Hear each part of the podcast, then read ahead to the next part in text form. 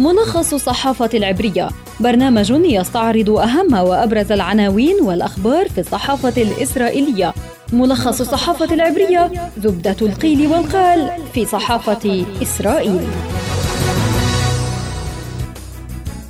أهلا بكم مستمعينا في ملخص الصحافة العبرية يعده ويقدمه لكم عبر شبكة أجيال الإذاعية خلدون البرغوثي وأستعرض معكم أبرز العناوين في وسائل الإعلام العبرية صباح اليوم. القناة الثالثة عشرة تكتب مقتل كلب إسرائيلي يلقى اهتماما أكثر من مقتل طفلة فلسطينية.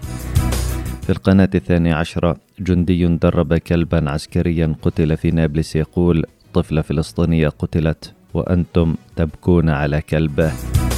وفي هآرتس يكتب جدعون ليفي ساخرا لا شيء نكد على الانتصار الإسرائيلي ربما فقط مقتل الكلب العسكرية.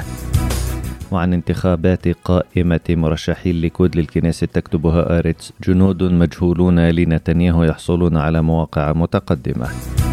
هيئة البث الإسرائيلية تكتب علاقة تقلق إسرائيل. المطاردون من كتائب الأقصى يتلقون تمويلا من الجهاد الإسلامي وفي يديعوت أحرونوت الليكود يمنح نتنياهو حق منح مواقع مضمونة لمرشحي الحزب. أما إسرائيل هيوم فتعنون أسماء بارزة في الليكود في قاع قائمة مرشحي الكنيست. في إسرائيل هيوم أيضا الجيش وضع أمام الحكومة خطة لحرب شاملة في غزة خلال العدوان الأخير.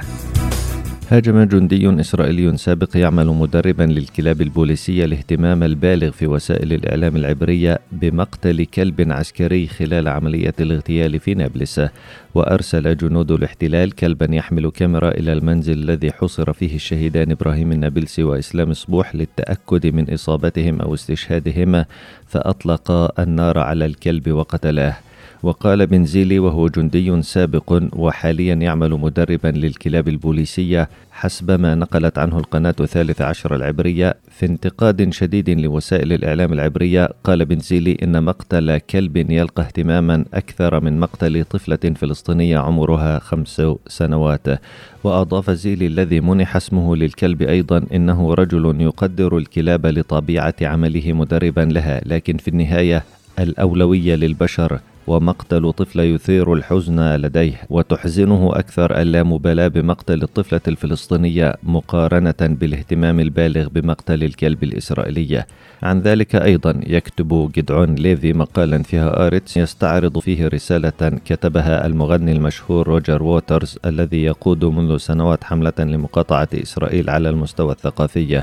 وتحمل الرسالة كلمات محمد وهو طفل من غزة في الثالث عشر من عمره يقول فيها إنه فقط يريد بعض الراحة وربما بعض المساعدة النفسية مثل كل الذين يمرون بتجارب الحروب ويضيف محمد باكيا إنه لا يوجد من يتابع أحوالهم وإنه لا يريد أن تواجه أمه القهر الذي تواجهه الأمهات اللواتي يفقدن أطفالهن في الحروب بل سيحاول أن يكبر وأن يموت مسنا في ظروف طبيعية. في عنوان تقريره هذا يسخر جدعون ليفي من الحرب على قطاع غزة ومن عملية اغتيال الشبان الثلاثة في نابلس ويقول الإنجاز الإسرائيلي ربما لم ينكد عليه شيء سوى مقتل ذلك الكلب العسكري. نهاية حلقتنا من ملخص الصحافة العبرية عدها وقدمها لكم عبر شبكة أجيال الإذاعية خلدون البرغوثي. أطيب التحيات إلى اللقاء.